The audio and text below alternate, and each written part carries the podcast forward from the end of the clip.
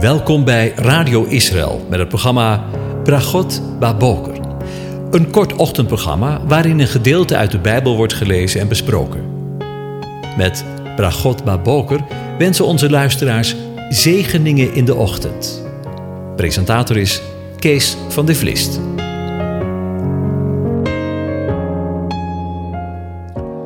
Goedemorgen, Bokatov, beste luisteraars. Vanmorgen sluiten we Psalm 95 af. En uh, lees ik het nog één keer aan je voor. Heden, indien u zijn stem hoort, verhard uw hart niet, zoals de Meriba, zoals in de dagen van Massa in de woestijn. Daar stelden uw vaderen mij op de proef. Beproefden ze mij, hoewel zij mijn werk zagen. Veertig jaar lang heb ik gewalgd van dit geslacht. Ik heb gezegd, zij zijn een volk met een dwalend hart. En ze kennen mijn wegen niet. Daarom heb ik in mijn toren gezworen: mijn rust zullen ze nooit binnengaan. Tot zover. Over genade gesproken. We maken weer een vervolg met Psalm 95, waar de Heere God tegen zijn volk, de schapen van zijn kudde, spreekt hij hen bij wijze van spreken uitnodigt om naar hem toe te komen. Naar hem, de goede herder. En horen we ook vandaag zijn volk uitnodigen, heden, indien u zijn stem hoort, een dringende oproep. Het door JHWH geschapen volk onder zijn hoede, dat voor hem neergeknield is urgente vandaag in de oproep om te gehoorzamen dient om te zeggen: Doe het nu. En dit is ook vaak in de tijd van Mozes gebruikt in de relatie tot het verbond van God, tussen God en zijn volk. Een voorbeeld daarvan vinden we bijvoorbeeld in Deuteronomium 4, vers 40, waar we lezen: En u moet zijn verordeningen en zijn geboden die ik u heden gebied, alle dagen in acht nemen, opdat het u en uw kinderen na u goed gaat en omdat uw dagen verlengd worden in het land dat de Heere uw God geeft, alle dagen. Het heden en het hier en nu verbindt het verleden aan het heden. Ik zeg het nog een keer. Het heden en het hier en nu verbindt het verleden aan het heden. Dus heden en verleden worden aan elkaar verbonden en tekent de continuïteit van Israël in de relatie tot het voorgeslacht. In Deuteronomium 5, vers 1 tot en met 3 wordt het volk eraan herinnerd dat God zijn verbond gesloten heeft, want we lezen daar: Mozes riep heel Israël bijeen en zei tegen hen: Luister Israël naar de verordeningen en de bepalingen die ik heden ten dagen van u spreek. U moet ze leren en nauwlettend in acht nemen. De Heere, onze God, heeft een verbond met ons gesloten bij Horeb. Niet met onze vaderen heeft de Heer dit verbond gesloten, maar met ons. Wij, die hier heden alle in leven zijn. Dit gold niet alleen voor de voorouders van het volk, maar ook het volk van dat moment.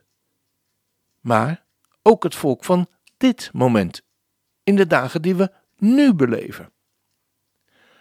De schrijver van de psalm herinnert de toehoorders erop op indringende manier aan de harde lessen, met name aan de lessen die zij moesten leren uit Meriba en Bassa.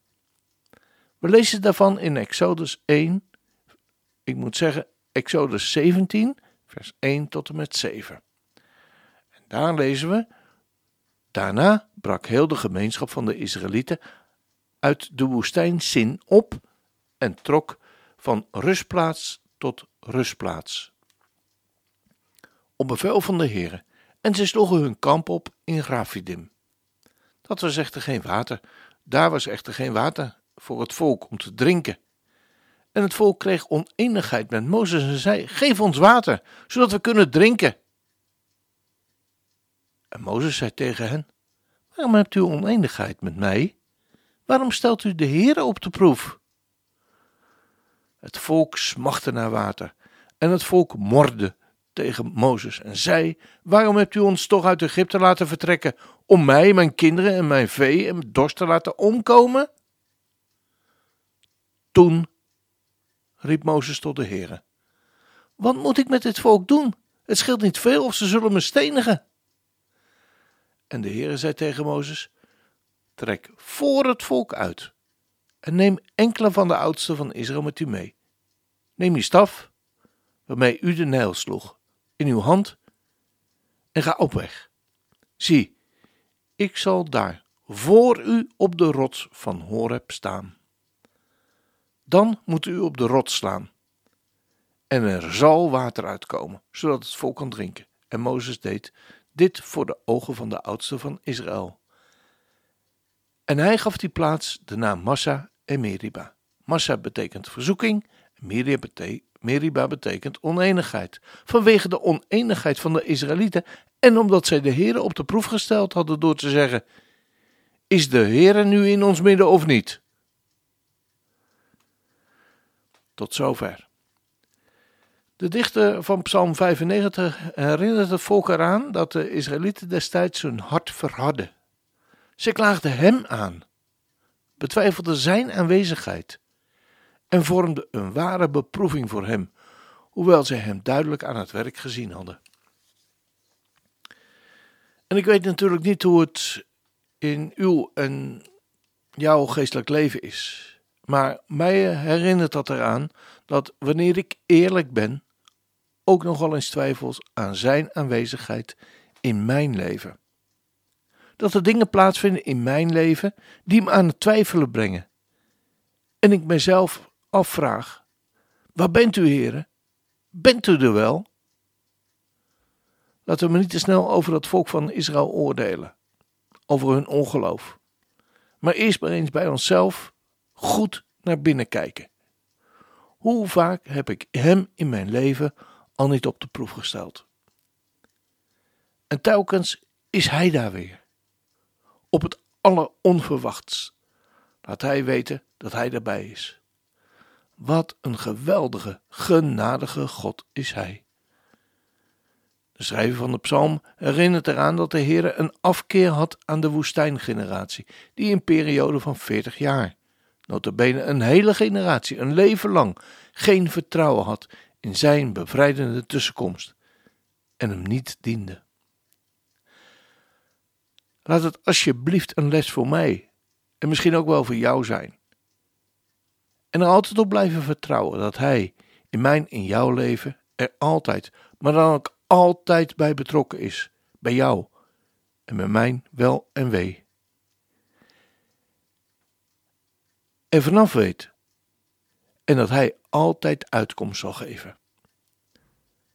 Echt, Hij laat ons niet in de steek. Hij laat je niet in de steek en in de kou staan. Maar bij sommige gelovigen denk ik wel eens dat het het hoogste soort van geloof is dat zij twijfelen aan de aanwezigheid van God in hun leven. Of anders, of ze werkelijk wel een kind van God zijn. Maar heb je er dan wel eens over nagedacht?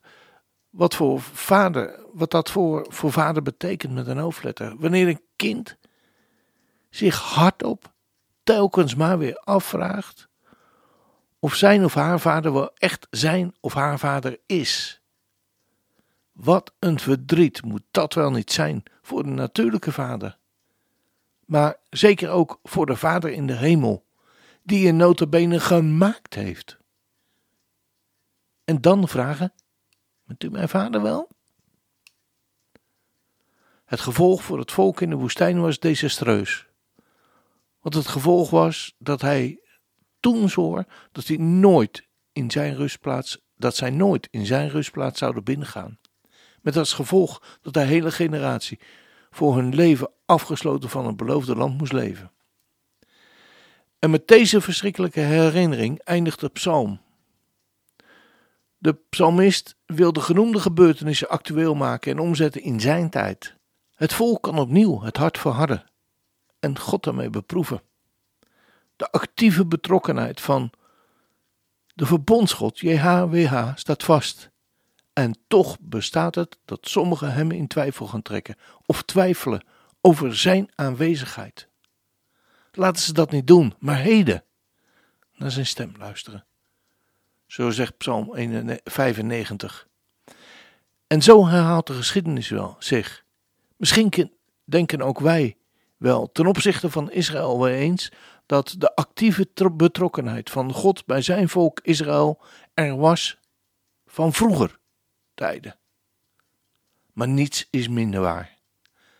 Hij gaat door met zijn volk van dag tot dag, ook in de tijd waarin wij leven. Het Israël van onze tijd, het Israël van deze tijd, is een wonder uit Gods hand. Een volk geboren uit de dood van de nazikampen. Tijdelijk terzijde gesteld. Maar er is een heilig maar.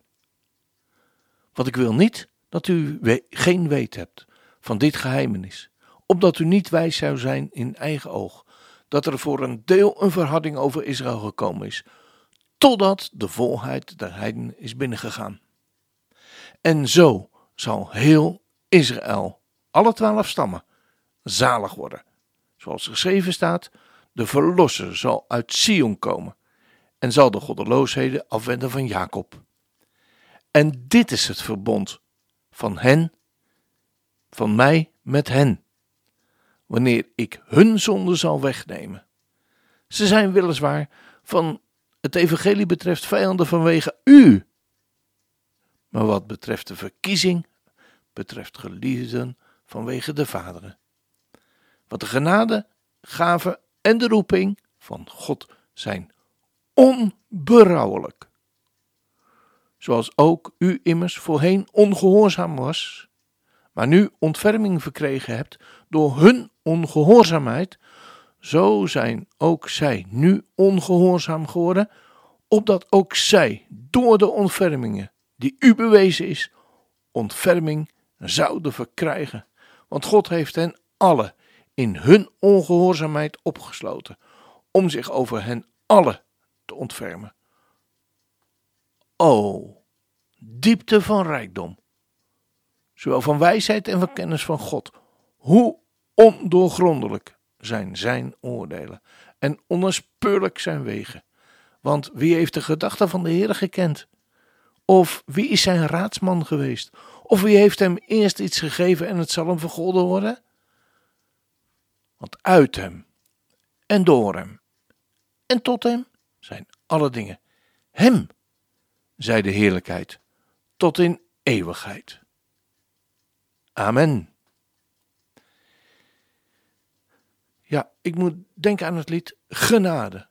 Zo oneindig groot dat ik, die het niet verdien, het leven vond. Want ik was dood en blind. Maar nu kan ik zien. Genade die mij heeft geleerd te vrezen voor het kwaad, maar ook dat ik mij tot Hem keer, dat God mij nooit verlaat. Want Jezus droeg mijn zonderlast en tranen aan het kruis. Hij houdt mij door genade vast en brengt me veilig thuis. Als ik daar, in Zijn heerlijkheid, mag stralen als de zon, dan prijs ik Hem in eeuwigheid. Dat ik genade vond.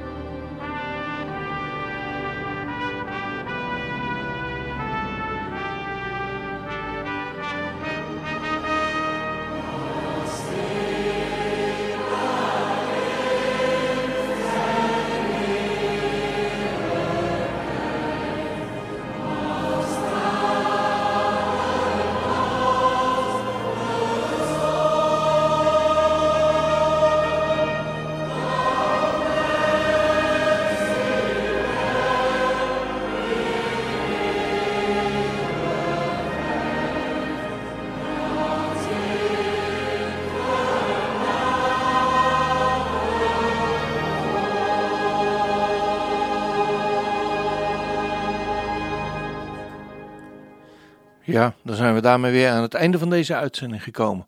En wens ik u Gods onmisbare zegen toe, want we kunnen geen dag zonder Hem leven. Echt niet. De Heer zegene en Hij behoede je.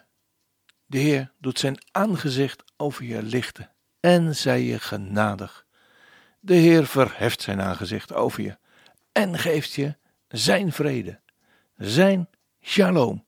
Dat wens ik je toe, dat je in deze dag, ook op deze dag, vrede mag hebben die Hij geschonken heeft.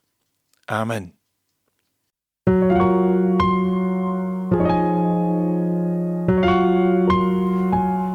U hebt geluisterd naar het programma Bragot Baboker.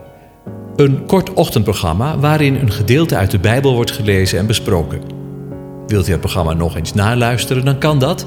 Ga naar radioisrael.nl en klik onder het kopje radio op Uitzending gemist.